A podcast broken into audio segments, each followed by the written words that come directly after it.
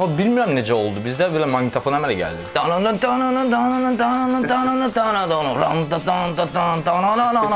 Bura mənim evimdir də. Bir evdə necə olursan, yəni ki, evin dəlisi də olsan, sən qəbul edirlər. Olmaz demək, o basıb arası sıxmaq həmişə çox iyrənc bir effekt yaradır. Zəm, zəm, zəm, zəm. Hə, bildi, də bildi. Başımız getdi axı. Dinləyici qulaq asır deməlidir ki, Bu o, o qədər qorxulu bir şeydir. Mən sabah bir dənə video çəkəməyəcəyik biz. Sən başa düşürsən ki, sən təkcə xoşbəxt olmaqla mən expect sürüm, hamı samakat sürsündən xoşbəxt mən ola bilmirəm. Mənə orada belə bir ki, beynim söndü. Ay yox, qoy belə qalsın sənə Allah heç nə eləməyib.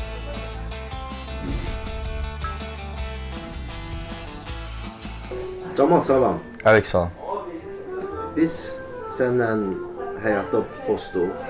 Yəni mənim ə, səni tanıdığım qədərilə sən həm musiqi ilə məşğulsan, həm ictimai fəaliyyətlə məşğulsan, həm də media işi ilə məşğulsan. Mhm. İndi bu üçü arasında və yaxud da bundan kənarda sən insanların səni daha çox hansına görə tanımasını istəyərdin? Əm, mən istərdim məndən 4 dənə olsun. İstərdim 4 dənə olsun. O 4 dənə olsaydı, məsələn, birini basist qoyardım, birini barabançı qoyardım, birini gitarist, birində e, müğənni, yəni vokal. Həyatda təxminən belə. Yəni mən musiqi kimi baxıram həyata. Biraz o mənada. Yəni mən istərdim ki, belə rollar məni elə demək olmur da ki, məsələn, sən gitaristsən yoxsa basistsən. Yəni bas da çala bilirəm. Yəni məntiqin bilirsənsə, barmaqları biraz məşq eləmisənsə olur. Elə böyük bir fərq yoxdur. Yəni məqsədə məndə başlayıb aktivistlikdən, ondan qabaq əslində musiqidən başlayıb. Amma musiqinin mənə yəni ki, qulaq asdığım janrları aktiv şəkildə rap və rock olub hansı müddət və orada aktivlik, aktivizm, nəyisə dəyişməyə çalışmaq filan feşməkan hamısı ə, yəni jurnalistikada mənim hansısa məqamda belə həyatımı xilas eləyib o Eurovision məsələlərində və onun gücünü hiss eləmişəm. O dördüncü güc hansı ki haqqında söhbət gedir bizcəsi yoxdur. Onu bir birdən ə, hiss eləmişəm ki, o necə olan şeydir və ona görə də hesab eləmişəm ki, bu bizə lazımdır və bu indiyə qədər də o işlə məşğulam. Yəni ə, opinion building, yəni sən insanlara jurnalizm çox gözəl və səliqəli yoldur bunun. Məsələn, mən bir mahnı ə, yazıramsa, orada mən hansı mesajı verirəm və deyirəm ki, sən əgər bizdənsənsə, bizdənsən, deyilsənsə, deyilsən. Jurnalizmlə bunu eləmək olmaz. Jurnalizmin etikasında bu yoxdur. Jurnalizm deyir ki, məsələ belədir. Bu belə deyir. Bu isə belə deyir. Şahidlər var, ekspertlər var, dövlət strukturları maraqlanır və məsələyə 5 yerdən baxış göstərilir və jurnalistin əlbəttə ki, mövqeyi olmasa belə öz prizmasından yanaşma həmişə var. Amma çox səliqəli şəkildə bu çalışılır ifadə olunsun. Mənə o mənada jurnalistika çox səliqəli format kimi gəlir. O birisində isə belədir ki, inqilab dəyişikliyi bu gün, bu gün gəlsən, gəlsin, gəlmirsən, özün bilərsən. Adın nə qoyursan? Yəni ağırlıq biraz daha çox sənin üçün musiqi və ictimai fəaliyyət elə ki, ikisi bir yerdə daha çox onun üzərində. Mən sən belə deyim, mən musiqi ilə məşğul olurdum. Uşaq vaxtından tara getmişəm, istəməyə istəməyə, atamın istəyi ilə zət. Həmişə gitarist olmaq istəyirdim. Yəni Eric Clapton, Santana, yəni bunlar mən belə Pink Floyd-a qulaq asırdım. Lap balaca. Mən bəxtim onda gətirmişdi ki, evdə bu kasetlər var idi. Amma tar məktəbindən sonra biraz belə başa düşdüm ki, yox, bu dünyada öz yerini, öz yolunu özün təyin etməlisən. Tar hər musiqi musiqi istədiyin musiqi deyil. 12-13 yaşında uşağın muğam başa düşməyi çox çətin məsələdir və bunun üçün yəni ki, Məsələn, sizin evdə nəyə görə o vaxtı Pink Floyd-a aid hansısa kasetlər var idi? ə, o bilmirəm necə oldu. Bizdə belə maqnitofon əmələ gəldi. All that she wants is not a... o məştibat, o mahnını bilirsən? O məştibat is my life. Birinci dəfə o İsmail o kaset belə getdi. Ondan sonra başqa kasetlər əmələ gəlməyə başladı, amma hansısa zövqə uyğun. Bir də mənim belə hardasa 7 yaşım zad var idi. Birinci dəfə dedim ki, bu nə musiqidir? Dedi ki, rock and roll. Dedim ki, mən bunun xoşuma gəlir. Aha. O da mənə bir dəfə o xarici şirkətdə işləyirdi. Gəmidə onların xarici başqa əməkdaşları var idi. Onların diskotekaları, disklər, nə bilim nələr falan feşməkan. O onlardan biz 1 aylıq gedirdi məsələn ekspedisiya kimi də. Onlar gedirdilər Xəzər dənizində hansı yataq nə böyüklükdə, geologiya, geofizika ilə məşğul idi. Və oradan gələndə mənə bir dəfə bir dənə rock and roll yığmalar kaseti gətirdi. Məsələn, mənim o həyatımı dəyişdirən kasetlərdən biridir. Onun da marağında idi, blues, blues falan şeyləri atamın. Nə bilim Pink Floyd-u anam hardansa tanıyırdı, Santana atam hardansa kimsə nəsə kaset verirdi belə, amma həmişə bir filtr olur da səndə ki, məsələn 20 dənə kasetə qulaq asırsan, oradansa bir dənə mahnı sənə belə o, o, o kim Mən çox maraqlıdır ki, 7 yaşında səni nəyə görə rock and roll maraqlandırsın? Nə sən deyim, amma Xoşun gəlsin sənə. Məncə çox Bu uşaq çox başa olanda düşüləndi. Bax məsələn ritmə olan münasibətin Hə, bəli. Ya. Danana danana danana danana danana danana danana randa dan da dan danana danana getdim. Sən mən nəlbəkilər, stollar, qaşıqlar, hər şey qoydum qabağıma. Mən dağıdırım evdə rockstarlıq edirdim yəni. Heç kəs olmayan. Məsələn sənin ə, Stati nerede oynayaq bəlkə? oynayaq. Davay. Aşağı qoyaq, göyə nə qədər gedər. Gedər. Elə oynaya elə biraz danışarıq da. Aha. Sən ağlarsan, mən qaralar olmaq istəyirəm. Okay. Məsələn sənin ə, bu musiqi karyeranda host səhifəsi var Bəli, bəli, bəli. və biz səndən artıq neçə ildir tanışıq. Aha. Ə, biz misal üçün adi görüşlərimizdə, bardaq kafedə olanda sən bir dəfə də o tarixlə bağlı nəsə ifadə eləməmisən. Aha. Əgər bu Statistika komitəsi xəbər verir ki, bu da şəxsi və həssas bir məsələ deyilsə, Yo, yo, deyə qətiyyən. bilərsən ki, nəyə görə bu haqqda heç danışmırsan və yaxud danışmaq istədiyin bir şey varsa, məsələn, bir dənə şey nəyə deyə bilərsən o tarixlə bağlı, o xatirələrlə bağlı. danışmaq istəmədiyim heç nə yoxdur deyə bilərəm o haqqda. Yəni ki, mən o haqqda heç bir problemsiz sənə saatlarla, sənə konkret saatlarla danışaram. Host məsələsi biraz o məsələ gəldi ki, elə bil ə, host çox məşhur olmamışdan qabaq mən oradan çıxdım.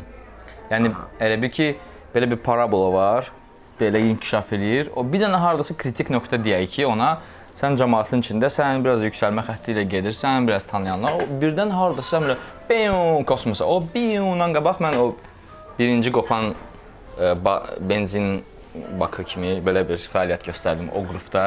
Aha. Ataq. Yəni hiss edirsən ki, sən o məşhurluq dövründə deyirlər usta Hə, şeş ata. və yo yo yo ona görə olmadı. Yəni çox çox şeylər oldu əslində. Məsələn deyim sənə ki, Hostun birinci albomundan çıxmam, birinci albomu çıxmamışdan qabaq mənim atam öldü. Yəni e, 19 yaşım var idi. E, O da fakt deyildi. Mən özüm Türkiyədə oxumağa başladım 18 yaşım. Uşaqlarla biraz əlaqə etdi. Onlar orada nəsə eləmək, onlar o parabolada aktiv iştirak edirdilər. Biz belə biraz kölgə dövləti kimi zad uzaqdan nəsə yazıb göndərdik zad. Və sonra belə alındı ki, elə bir o kontakt zəiflədikcə mən hiss elədim ki, ideyalar hansılar ki biz bir yerdə nəsə fikirləşirdik, dəyişməyə başlayırlar və əlbəttə ki o kütlənin də orada təsiri var da ki, filan ş- filan mahnıya birdən cəmaət coşdu. Deməli belə mahnı lazımdır təxminən. Demirəm tam elə oldu. Məni hostla bağlı narahat edən sual nədir? Yəni ki, hostdan niyə çıxdın? Allah mil yəni milyon dəfə bu suala cavab verilib və elə bil ki BBC bir dəfə soruşsaydı cavab versəydim, hamıya o linki göndərə bilsəydim və bütün dünya baxdı, mənə rahat eləyərdi. Amma elə şey olmur da. Yəni BBC sən özün, O bir də prikola, bu çev suala cavab vermisən. prikola çevrilib ki, hostdan niyə çıxdın? Başa düşdün? O prikol ondadır ki, Allah bəs də bu sualı verdiniz. Camal Ali hostdan niyə çıxdın? Amma o bir çoxdan yox idi. Sağ ol, trendi dala qaytardığın Sadəcə doğrudan bir dost kimi mənə maraqlıdır ki, sən heç vaxt buna toxunmursan.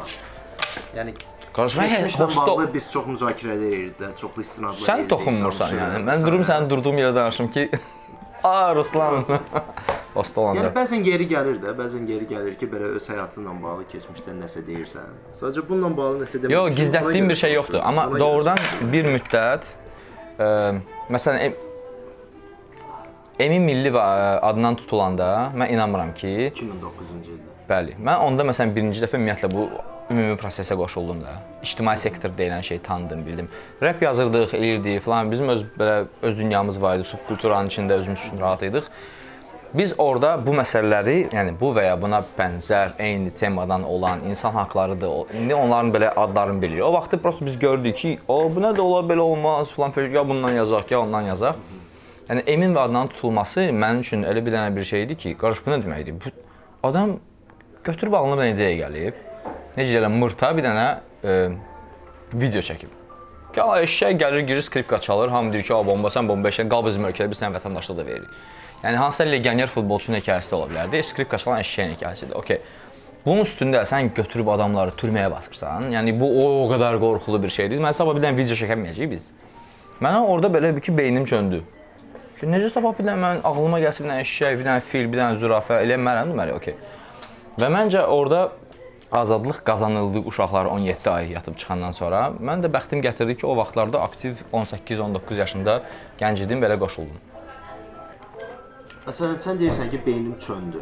Hmm. Mən də sənin ə, beyninin çöndüyün vaxtları ə, kifayət qədər görmüşəm. Okay. İndi, indi mənə maraqlıdır ki, sənin 5 getmir ha ora. Yox, gedirik. Yox, gedim. sənin bu üsyankarlığın ümumiyyətlə ə, gənclik dövrünün daha çox təzahürüdür ya uşaqlıqdan ümumiyyətlə sən belə olmusan, ailədə deyək ki, hansı normalara qarşı, adətlərə qarşı və yaxud da nəhlədəmi?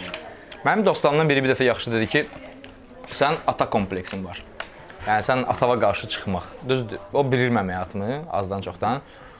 Atam mən hesab edirdim ki, mən ailədə birinci belə nə deyirəm, deyir olmaz, nə. Yox, nə deyirəm, deyir olmaz, bəlkə düz deyil, amma sıxırdı da belə, başa düşdün? Və belə avtoritet hiss edirsən ailədə səndən böyük. Sən doğulmusan beləsən, yəni bilmirsən hələ necəsən, amma belə İstəyirsən amma istəyirsən ki, sən hər dəfə çox danlanırsan, nəsə bu yəni bu olmaz, niyə belə, hə? Başa düşdün və qarşı çıxmağa başlayırsan. Mən məncə oradan başlayır məndə hər şey. Düz atamı yəni ki, mənim 19, 10, 51 yaşı var idi itirəndə və mənə çox yəni biz uzun müddət sağ ol, uzun müddət belə müharibə vəziyyətində yaşamışıq. Daha sonra mənim 14-18 arasında. 18-dən 19-a biz dostluq dövrü idi və getdi. Yəni mən şadam ki, biz elə vəziyyətdə idik, dost, yəni münasibət olaraq o aradan. Amma dostlarım iddia edirlər ki, bu ata kompleksidir. Yəni ümumiyyətlə. Və ondan başqa ondan sonra mən yəni ki, yəqin ki, mənim içalatım elə qorunmuşdu ki, artıq bəs yaxşı, indi in, indi kimə qarşı mübarizə aparaq? Aha. Amma tam da elə deyil. Çünki yəni mən inanmıram ki, bizim ölkənin lideri, idarəçisi ə, əslində lider falan deyəndə biraz onlar yüksəldirik, servislər. Amma başa düşməli ki, sən hökumət servisdir. Yaşının vergini doğru yığsın, doğru paylaşdırsın, insanlara xidmət eləsin deyə onları seçiblər. Tenderdən seçiliblər. Yəni təxminən e, belə bir şeydir. Yəni. Bizdə belə olmalı Belə olmalı. Bizdə elə deyil. Mən inanmıram ki, onlar Amerika, məsələn, Amerika yox, Almaniyadakı kimi hökumət olsaydılar, aşağı-yuxarı, mən bu qədər radikal olardım, inanmıram. Yəni o demək deyil ki, mən sadəcə oponent axtarırdım özümə. Ona görə rebel olmaq. Düzdür, gənclik biraz rebel olmaq istəyir həmişə ataya qarşı, anaya qarşı, qanuna da. Və bu da onun ləzzəti ondadır ki, onlar refresh eləməyə çalışırlar. Ağac belə dümdüz gedənməz də, yəni. Orada bir budaq belə eləməlidir, bir budaq bu tərəfə getməlidir və onlar təbii şəkildə öz yerlərini tapırlar günəşin altında, hər yarpaq üçün yer ayırırlar, hamıya bərabər günəş düşür. Amma bir qəbala oradan kəsməyə çalışanda görürsən ki, niyə də, niyə mən yaşadığım həyatda, yaşadığım məhəllədə ən bəxtli ailə biz idik. Yəni ki, mən atam universitetdə oxuyub, anam universitetdə oxuyub, normal maaş alırıq, yaşayırıq, məktəbə gedirik, hətta yanımızdakı məktəbə vermirik, şəhərin o yanındakı məktəbə gedirik. Amma bütün sən ətrafındakı cəmaət, sən gözün çıxdıya salınırsan bir uşaq olaraq. Yəni oxuyan uşaq, nə bilim nə, zət. Sən bütün ətrafın amma bunu eləyə bilmirsən, bunu başa düşürsən. Və mən o məhəllədə məsələn mən xoş demirəm ki, öz xoşbəxt olmağım, onların da xoşbəxtliyini istirdim həmişə. O belə o məhəllədən başlayır ki, o niyə bizdə var onda yox? Niyə mən almanın yarısına qədər yeyib atıram hansız? Birinci dəfə bağçada o şoku mən yaşadım ki, almanın yarısını belə yeyirsən, xarxux atdın, kimsə gedir onu oradan qumunu təmizləyir, götürür. Mən o şok vəziyyətinə düşdüm ki, wow, yəni niyə mən bil, e, bilmirəm, o uşaq kimi nə etmək olar. Anama danışanda o qaçqın idi o qız. Dedi ki, hər dəfə biraz da alma qoyurdu ki, ona da verərsiniz. Deməli yoxdur filan heç mən. Yəni bu insanların amma sayı ətrafında 1 deyil, 5 deyil də. Yəni ki sən 100sən onlar 2-dilər, gəlin kömək elə. Yox, tərsinə sən 2sən kifayət qədər alması olan. Olmayanlar isə 100-dür. Sən başa düşürsən ki, sən təkcə xoşbəxt olmaqla mən X5 sürüm, hamı samakat sürsündən xoşbəxt mən ola bilmirəm. Adamlar var, görmüşəm, tanıyıram, şəxsən bilirəm, vəzifədədirlər. Onlar belədilər. Başa düşmürəm necə elə olmaq olar. Və mən də qəbul edirəm ki, evolyusiya davam eləyir. Biz hələ heyvandan insana gedən yolda hələ o primatların müxtəlif növləri ilə gündəlik Sən həyatımızda tanış o oluruq. insanlar doğrudan da xoşbəxtdirlər. Yəni təminatlıdırlar, pulları var, gücləri var, öz təhlükəsizliyini hər cürə təmin edirlər. Xoşbəxt nədir? Çox belə qəribə sualdır da. Yəni 40 dənə qoyunu olan dağın başında təmiz hava, qəşəng hər şey. O çoban da xoşbəxt ola bilər. Heç nə bilmir. Dünyadan xəbəri yoxdur. Xoşbəxtdir. o xoşbəxtlikdən danışmıram. Yəni satisfaction xoşbəxtliyi, yəni ki mən bu dünyaya gəldim, ətrafımı gördüm, bildim, yaşadım, bu həyatı dolu-dolu. Yoxsa belə yəni ameb də xoşbəxt ola bilər onun yəni. Onun xoşbəxtliyi bir hüceyrəli idi yəni. Sən qeyd elədin ki, bəs ə, atan və anan universiteti bitirib və məhəllədə ə, tək-tük ailələrdən idi ki, bu ə, belə idi. Hı -hı. Sən özün səhv eləmirəmsə, Türkiyədə 3 universitetdə oxumusan və heç birini bitirməmisən. 2. 2 universitet oxumusan və heç birini bitirməmisən. Bəli. Söz bu mənim üçün olduqca maraqlı bir şeydir. Mən deyim, şəxsən mən bu tip seçimlər edən insanlara qarşı bakalavrda olduğum vaxtı qibdə elirdim. Doğrudan. Hə, yəni ki, bu qədər ə, yəni mən həmişə fikirləşirdim ki, onların beynində, həyatında hansı işlər olur ki, Məsələn, onlar bu cür qərarları o cəsarətlə verə bilirlər də. Məsələn, məndə açığı o cür düşünmə cəsarəti yox idi. Mən fikirləşirdim ki, sən əgər mən əgər bir universitetdə oxuyuramsa, bu universiteti mütləq bitirməliyəm, mütləq bütün qiymətlərim yaxşı olmalıdır, məsuliyyətli olmalıyam və s. Amma eyni zamanda anlayırdım ki, mənim bütün bunlara can atmağım məni heç də ə, Anlıyorum. həyatdan razı salmır, hə, sən xoşbəxt eləmir. Okay. İndi sən ə, bu necə izah edə bilərsən? Nəyə görə üçün? Mən birinci universitet dəyişdin, ixtisas dəyişdin. Birinci universiteti belə atdım ki, mən ODTÜ-də oxuyurdum Ankarada. Yəni Türkiyənin ən yaxşı texniki universiteti sayılır. Və yəqin ki, elədir də. Çox gözəl universitetdir. Ankarada görüləsi ən gözəl yer oradır yəni. Kampüsdür, 20 min tələbə, 10 mini orada yataqxanalarda yaşayır. Yəni orada stabil 10 minin yaşadığı həyat var. Mən olmuş ki, 5-6 5-6 ay oradan çıxmamışdım və çıxanda qoca adam, uşaq zad görəndə bir qəribə olub ki, o, yadımdan çıxmış uşaqlar var. Belə kampüs həyatı var. Başa düşürsən? Ancaq gənclərin bir yerdə yaşadığı dəlixana bir həyat. Düzdür öz qanunları var, amma çox maraqlı yerdir. Orda mən dərslərdən başqa hər şeylə məşğul oldum. Çünki mən orada dərsə getməli olduğum fənlər, bir il ingilis dili oxudum. Hazırlıq kursu deyirlər. Çünki universitet ingilis dilində idi. O ingilis dili kursundan sonra sən ə, gedirsən öz şeyə, İxtisas. ixtisası var. O ixtisasda gördüm ki, mənə heç maraqlı deyil. Mənim ixtisasım environmental engineering yəni. Azərbaycanda ətraf mühitin qorunması və təbii sərvətlərdən istifadə. Onu da kom kompensasiya variantı kimi yenə də atamla söhbətə qayıdaq seçmişdim ki, ata mən dedi ki, əgər mühəndislik oxuyacaqsansa pulunu verirəm, oxumayacaqsansa özün bilərsən. Yəni get nə istəsən oxu. Mən də bunu seçdim. Evdən nə qədər mümkündür uzaq Ankara. Birinci belə çıxış variantım idi mənim ölkədən. Çıxdım və gəldim orada girdim musiqi topluluğuna. Yəni ki, ancaq musiqi, teatr falan belə yaradıcı şeylər, krujoklarda. Sonra atam öldü. Yəni mən birinci oxuduğum kurs ilində atam öldü. Mən də dedim ki, okey də, yəni bu adam daha bundan mən bunu mən istəmir. Onsuz sponsorum da yoxdur. Sponsorum öldü elə bil ki. Pulu da yavaş-yavaş qazanmağa başlayıram. Yəni tərcüməçiliklə, rus dili, türk dili, ingilis dili falan belə şirkətlərdə tərcümə. Gedim köçüm İstanbula. Orada oxu- istədiyim istədiyim şey oxuyum. Getdim səs mühəndisliyi oxumağa. Amma bu 4 4 3 il mən atam öləndən sonra bu qərarı almaq vaxtı çəkdi. Çünki mənim orada girlfriendim var idi, başqa vəziyyətlər var idi. Mən orada xoşuma gəldi, dərs okey dərs gedir, amma mən burada öz işlərimlə məşğulam. Ankarada məsələn Elgiz falan bu Elgiz qəhrəmanıdır bu şey. Onlar hamısı o vaxt Ankarada oxuyurdular. Bizim orada ə, öz çevrəmiz var idi və oradan getmək də biraz o məndə çətin idi. Amma qərar verdim və getdim bir, bir moment. Türkiyədə 2011-in axırına qədər oxudum. Çox dəxilsiz bir səbəbdən məni işdən qovdular. Bir dənə e, televiziya kanalında işləyirdim Ankaradan sonra getdin İstanbula. İstanbula, hə. Orada hansı universitetdə oxudun? Orada səs mühəndis, onu təzədən oxuyursan, hə? Səs mühəndisliyi akademiyası, SAE, School of Audio Engineering. Aha.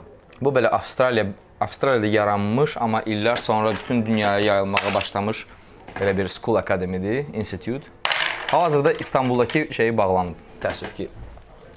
Hmm. Amma bir dünyanın indi 50 ölkəsində yoxsa necə, Almaniya 4 dənə var. Avstraliya 4 dənə belə. Onun bir axırıncı 2 aylıq semestr qalmışdı.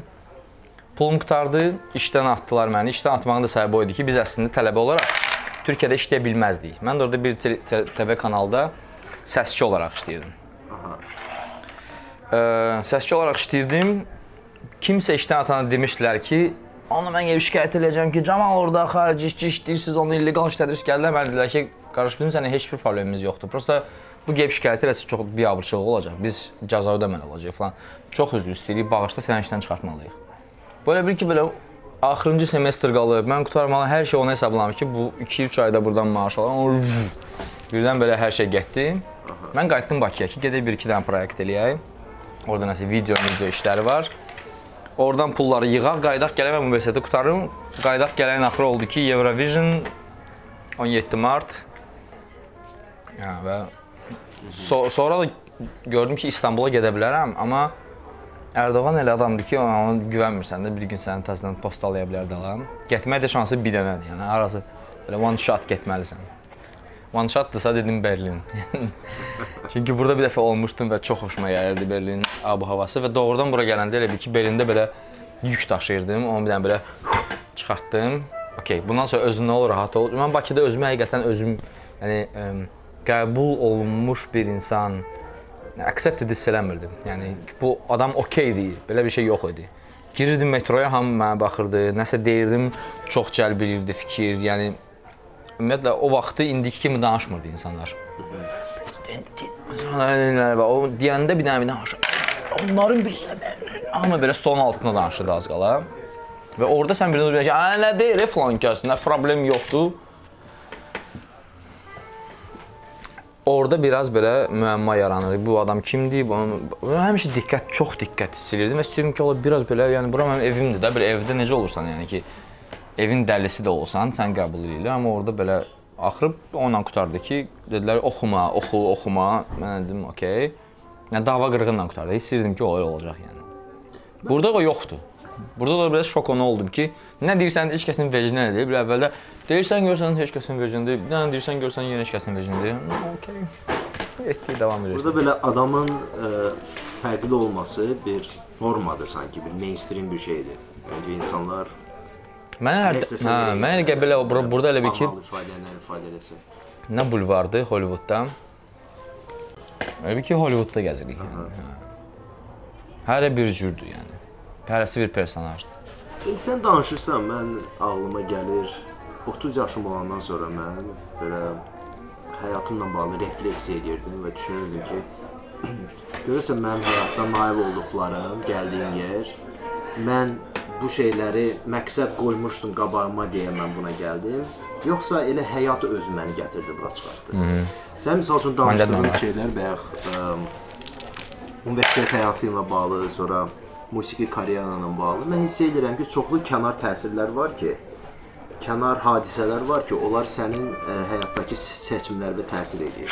Bəli. İndi buna ə, şərh versən, sən daha çox hansını öz həyatında hiss edirsən? Konkret Mən- qoyduğun məqsədlərmi, yoxsa həyatın sən gətirdiyi? Mən sən bir dənə deyim, mən yenə deyirəm, qayıdıram hər şey həyatda musiqi formatında baxıram. Məsələn, bir dənə şey klip çəkməyə çalış və bu gün bu intervyunu götür. Sən necə təsəvvür edirdin o bir variantdır. Nə əldə etməyə çalışırdın? Nə alınacaq bir variantdır. Sən super professional olsan, o ağlında olana çox yaxınlaşa bilərsən. Hansısa da tam yaxınlaşa bilmirsən heç vaxt. O belə bir belə bir isti bir visiondur. O istiliyi sən ən azından kreslodan verə bilmirsən də kinoteatrda. Yəni nəsə bir vizual yaratmaq.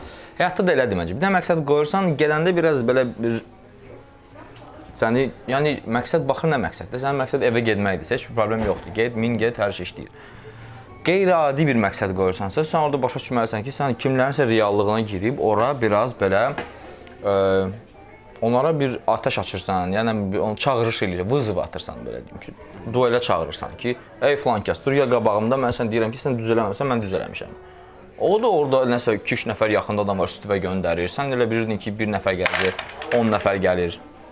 Və belə baş, yəni demək istəyirəm ki, baxır nə edirsən. Musiqi belədir ki, mən bir mahnı yazmaq istəyirəmsə, onu ancaq bitkilərlə, təbiətlə əlaqəsi varsa, evdə oturmuşamsa, o məqsədimdə mən çox şey yayındıra bilməz. Amma sən vermiş eli yazıb qutarmaq üçün hardasa 5-6 dənə studiyaya getməli olduq ki, birinə gedirsən, razılaşırsan, az qala pulunu vermir. Birinə behin vermişdik. Ki biz falan vaxtı gəlirik, pulumuz da var. Yazacağıq, ən əla studiyadır. Bam bam bam bam bam bütün musiqiçilərlə danışmışıq. Musiqiçilər gələnə qədər studiya dedi ki, "Amma biz örgəndiysən kimsən, gəlmə xahiş edirəm. Xahiş edirəm bir də studiyanın başı qabağına gəlmə." Musiqiçilərdən biri örgəndi dedi ki, mən öyrəndim sən kimsən. Deyəncə barabanşik lazımdır ki, bilsən kim var, kim var, lillə falan kəs var. Öz barabanı. Gətirə bilər. Hə, okey, Allah. Falan qədər pul verir, gəlsin. Gəlməmişdən yarım saat qabaq deyir ki, mən gəlmirəm. Mən bildiyim sən problem, zat falan çəkməkən.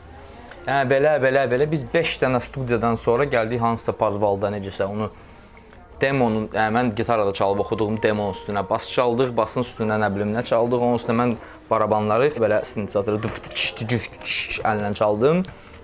Hə, yəni məsələn orada çətin şərtlər altında sən işləyirsən. Və studiyanı sənə verən adam deyir ki, mən sənə inanıram, bilirəm düzülürsən, prosta biraz sakin birdən gecə gələrlər. Onun başında orada belə qarışqalar. Bu mən Gürcüstanda yaşayanda sənət adamları ilə biraz e, bir xeyli ünsiyyətdə oldum. İstər Azərbaycanlı olsun, istər Gürcü, daha çox Gürcü. Hı -hı. Və onlarla söhbətlərdə mən belə bir şey hiss edirdim ki, məsələn, ə, bizdə belə bu həmişə bir ictimai ruh, ictimai missiya vardı ya. Mən həmişə fikirləşirdim ki, sənət adamı bir missiya qoysun və o missiya naminə hansısa bir musiqi yaratsın deyir ki. Okay. Düz onlardan, onlardan mən tez-tez belə cavablar eşidirdim ki, ə, sən nəyə görə belə yanaşırsan da biz ə, azad yaradıcı insanlar kimi ortaya nəsə qoyuruq hmm. və dinləyici bunu necə istəyirsə interpretasiya etsin, necə istəyirsə qavrasın. Sənin yanaşman necədir burada? Səncə burada musiqinin ümumiyyətlə hansı e, musiqiçinin ümumiyyətlə hansısa bir ictimai bir aydınlatma agendası və yaxud insanların nəyisə səsləmə agendası ol olmalıdır, ya daha çox birincidir? Mən gətirdim. Mən belə deyə bilərəm ki, insanın ilham mənbələri olur da elə bir ki. Ə, yəni ola bilər sən bir qıza aşiq olmusan. Yəni bir 6 ayda onunla siz belə elə gözəl vaxt keçirirsiniz ki, sən heç maraqlı deyil Azərbaycanda baş verir. Sırf utopik bir dənə qızdan danışıram, okey? Çox istərdim ki, elə bir qız olsun amma. yəni ola bilər. Və ola bilər ki, sən 6 ay ərzində ancaq ağlı var. Sevgi ilə gözəldir başlanğıcı altında və ya falan kəsin falan yeri mahnılarını yaza bilərsən.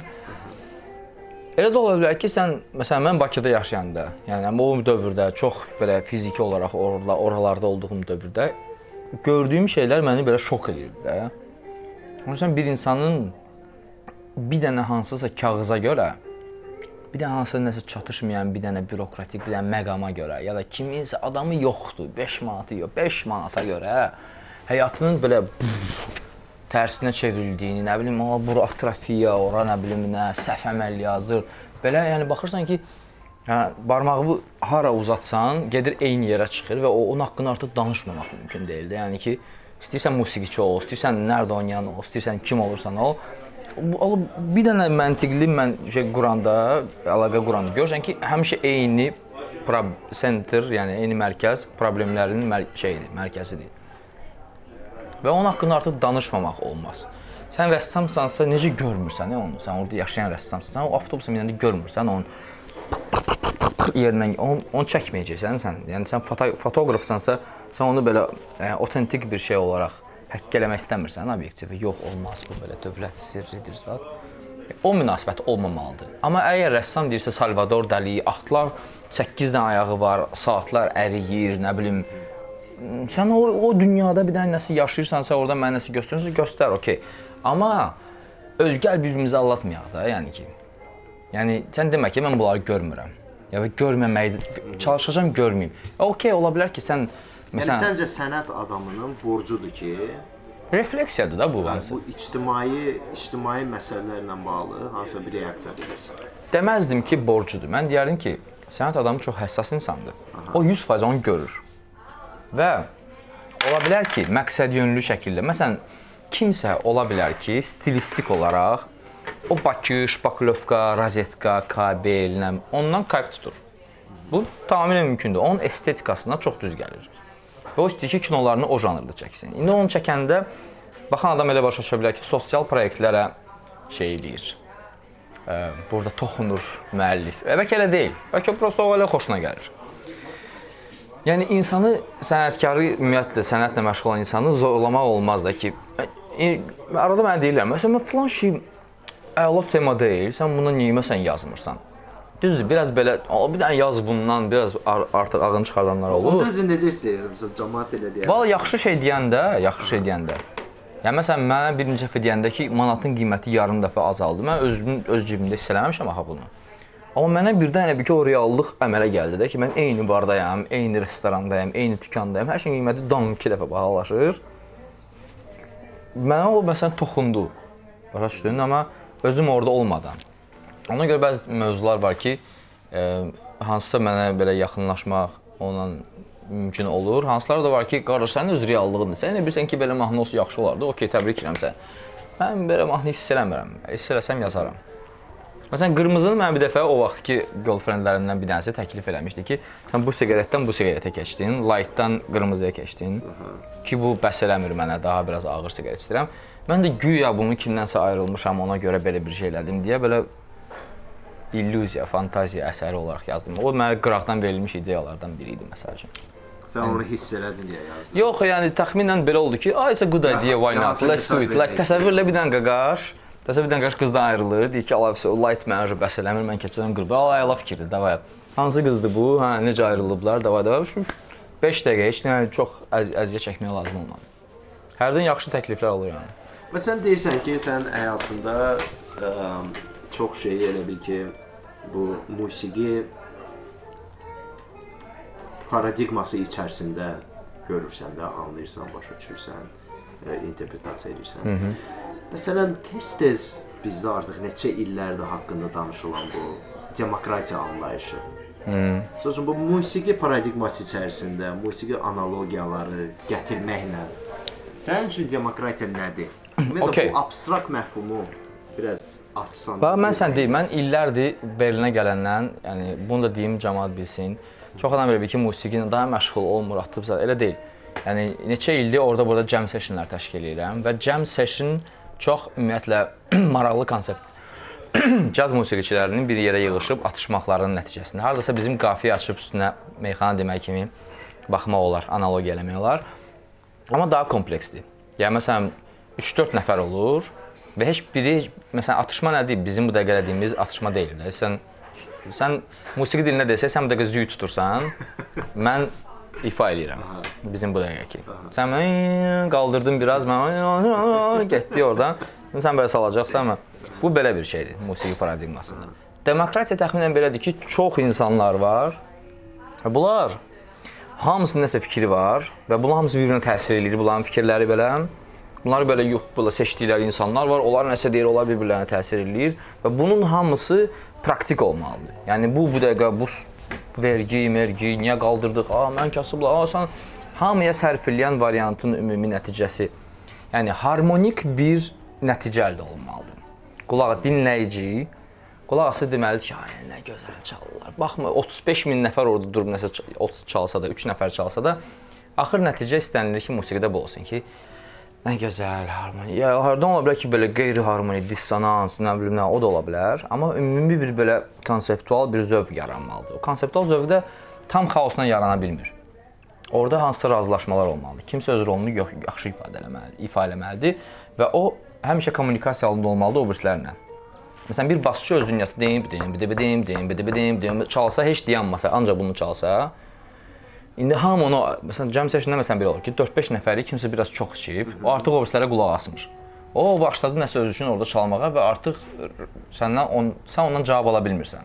Aha. Fleksibliyini itirdi o adam. Sən onu deyə bilmirsən ki, mövzunu dəyişək filan. Biraz onu ayaq uydurursan və növbəti də mikrofonu ələ keçirirsən ki, xahiş edirik bir basçı əgər varsa gəlsin, çalsın. Bizim dostumuz bir dənə pivə içmək istəyir. Siyasət təxminən belədir. Yəni hansısa partiya artıq o belə yorulursa, atrofiyaya uğrayır öz-özünə, onun yerinə başqası gəlməlidir, orqanik şəkildə. Bizdə vəziyyət jam session deyil. İstəyərdim ki, elə olsun.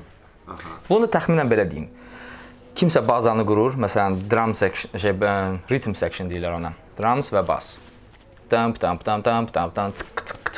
Bunlar bunu qururlar. Üstündə saksofona ba ba ba ba gitaralar çalır. Kimsə gözləyir, hamısı hamısı gözləyir gitara bir solo çalır, hamı gözləyir gitar əl çalınır arada. Ona solo çalır, sonra saksofon solo çalır, sonra hamı temanı təzədən çalır, falan feşməkan sənət əsəri qutarır.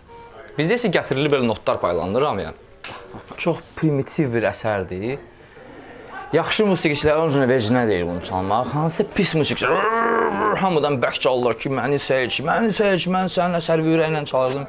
Belə çox qəribə bir sənət əsəri alınır. Belə baxırsan ki, söz deyəsi olanların qabağına not qoyublar deyə onlar, yəni ki, bu adamı qoysan nə bilim, ən gözəl musiqiçilərlə bir otağa dağıdar, partladar, yaradar, xaliqələr yaradar, amma imkanları o qədər sıxılıb bir dənə belə hansısa primitiv bir əsərin notlarına ki, heç nə eləyə bilmir. Orada da hansısa elə adamlar elə bilər ki, bu heç nə bu bu bu əsər elə heç nə eləyə bilməmək. Həyatın bütün mənasıdır. Zar zar zurnalar, barabanlar yığılışıblar belə çox qəribə də orkestral seçim var, yəni ki, zurnalar çoxdur məsələn. ASTV-də məsələn zurnalar da o, yəni ki, zim zim zim zim Hə, bildik də, bildik. Başımız getdi axı. Yəni başqa pluralizm yoxdur, başqa fikirlər, başqa mövzu dəyişməyəcək bu. Hər gün anırıq. Bu bu, bu bu mövzu içində qalaq. Okay. Ə, proqressiv dəyərlərlə bağlı. Məsələn, ə, deyək ki, LGBT+. feminizm, LGBT, sonra Xahişəm LGBT+. al- alternativ düşüncəni, LGBT+ və LGBTQ. Ə, bu tip ə, alternativ faktların və düşüncələrin mübarizəsi kontekstində sən özündə indiyənə kimi hansı belə mühüm dəyişikliklər hiss eləmisən? Bilirsən necədir? Azadlıq əgər varsa, qoy olsun. Mən özüm də bilmirəm orada nə çıxacaq. Yəni mən hətta hər- hərdən fikirləşirəm ki, mən qocalsam, hansı ideologiyadır, hansı gənclikdir ki, o ki məni deyəcək, mənə məcbur elətdirəcək desin ki, "Ay yox, qoy belə qalsın, sən Allah heç nə eləməyin." Yəni inoplanetanla gəlişinə pis baxırsınız, yaxşı baxırsınız. Məsələn, təxminən və hamı deyir ki, yaxşı baxır. Mən deyirəm, "Allah yox, özümüz oturmuş." Məsələn, ancaq belə ola bilər də indi fikirləşirəm. Belə LGBT mövzusu belədir ki, qardaş, yəni ki, burdan çıxdıq hamımız, hamı evə gedir. Evdə kim kimlə yatır, kim 5 nəfər bir yerdə yatır, kim 2 nəfər. O 2 nəfərdən hansı ikisi, hansı cinsiyyətlə. Əgər konsensus varsa, razılaşma, hamı bir-birinə bu mövzuda razıdırsa, bu hamının şəxsi məsələsidir. Yəni, Heç kəs qarışanmaz. Düzdür, məsələlər gəlir çıxır o yerə ki, evlənmək, filan feş məkan, nə bilim nə, hansı azadlıqlar mümkündürsə, insanların səs verməsi ilə və ya hansısa partiyaya səs verilibsə, onun razılığı ilə seçilsin, olmasa aksiyalar təşkil olunsun, o qaldırılsın, filan feş. Bu bu proses davam eləsin. Azadlıq olsun ki, bunlar müzakirə oluna bilinsin. Amma insanlar gedib hansısa hardasa badvalda görüşüb, nəsə eləməli olub, sonra polis onları gəlib tutub, döyüb, nə- belə iyrənc bir şeyə çevrilməsin də. LGBT ilə bağlı bu. Feminizmlə də bağlı ki, əlbəttə ki, qadınlar və kişilər heç bir böyük fərq hiss eləməməlidirlər öz gündəlik həyatlarında, küçəyə çıxanda, işləyəndə. Fərq ondan ibarətdir ki, biri əlbəttə ki, qadındır, biri əlbəttə ki, kişidir. Biz bilirik ki, əvvəldən belədir. Bir dual belə bir cinsiyyət sistemi var, hansı ki, üçüncü cins, yəni konkret olaraq, praktik olaraq yoxdur. Və biz öyrənmişdik bunu ki, bu ya penislədir, ya vagina iləndir, ya belə uzun saçlandır, ya biraz makyajlandır, belə təyin. Bunu biz niyə belə təyin eləyirik? Bizə kim belə öyrədib? Ya onları müzakirə eləyək. Gəlin öyrənə görə bəs indiyə qədər bilmədiyimiz o qövmlər, nə bilim, lut qövmü, zət dində də var da bunların hamısı. Heyvanlar arasında hansısa bir Bunlar hamısı bəlkə də hansısa o sosioloqların dediyi kimi bu təbiətin özünü qoruma instinktidir ki, hansısa kişiləri sadəcə daha çox gey eləyir, hansısalar qadınlar, lezbiyan bəlkə çoxal, çox-çox çoxalmasınlar. Bəlkə odur, bəlkə hər hansı bir teoriyası ola bilər, amma var. Bu gözlə görülür, hamı bilir, var. Yəni necə yəni olmaz demək, o basıb arası sıxmaq, o həmişə çox iyrənc bir effekt yaradır. Yəni sən bilirsən ki, var görməməzlikdən gəlsən, amma bilirsən ki, bir momentdə partlayacaq. Onun qorxusu ilə yaşayırsan, onun qarşı daha 3 dəfə necə bu dəqiqə bizim müxalifətlə mübarizə aparırlar. Bu dəqiqə azadlıq verilsə, məlum olacaq ki, müxalifət Erkin Qədiri dediyi kimi qadınlar yoxdur, ideologiyalar yoxdur, birlik yoxdur, bəlkə də heç bacarmayacaqlar əgər verilsə. İnanıram ki, elə, inanmaq istəyirəm ki, elə deyil. Amma verilmir deyə konkret fakt odur ki, o icazə verilmir deyə belə bir ümid, belə bir, belə bir dala, belə yəni ki, onlar olsaydılar biz dünyadakı qızıl əsri yaşayardıq. Yəni bizə hər şey yaşıl enerji ilə idarə olunur. İnsanlar artıq özləri uçurlar, heç hara getmə, işınlanırlar, yəni ki. Yəni bu hakimiyyət getsə, o birisi gəlsə, hansı ki bu təklif olunur, biz belə knopkaya basacağıq, başqa yerdə olacaq. İnsanlar yəni təxminən belə bir utopiyanı artıq özlərində ümid eləməyə başlayırlar. Onun ümiddən başqa bir adı yoxdur yəni. Reallıq isə addım-addım baş verir. Yəni reallığı götürüb belə birdən hop yerinə təzə reallıq gətirmək olmurdu. Bununla işləyirsən ki, o hoppa gedib çatasan. Cama minnətdaram. Çox sağ ol. Mən sağ sən ol. minnətdaram. Nərddə Oyunu də- qurtarmadıq. Nərddə də mənim cüzi bir üstünlüyüm var. Onu da növbəti dəfə. Mən deməzdim. bilərək. Mən sən içəridə orada çox pis yerləsən. Məncə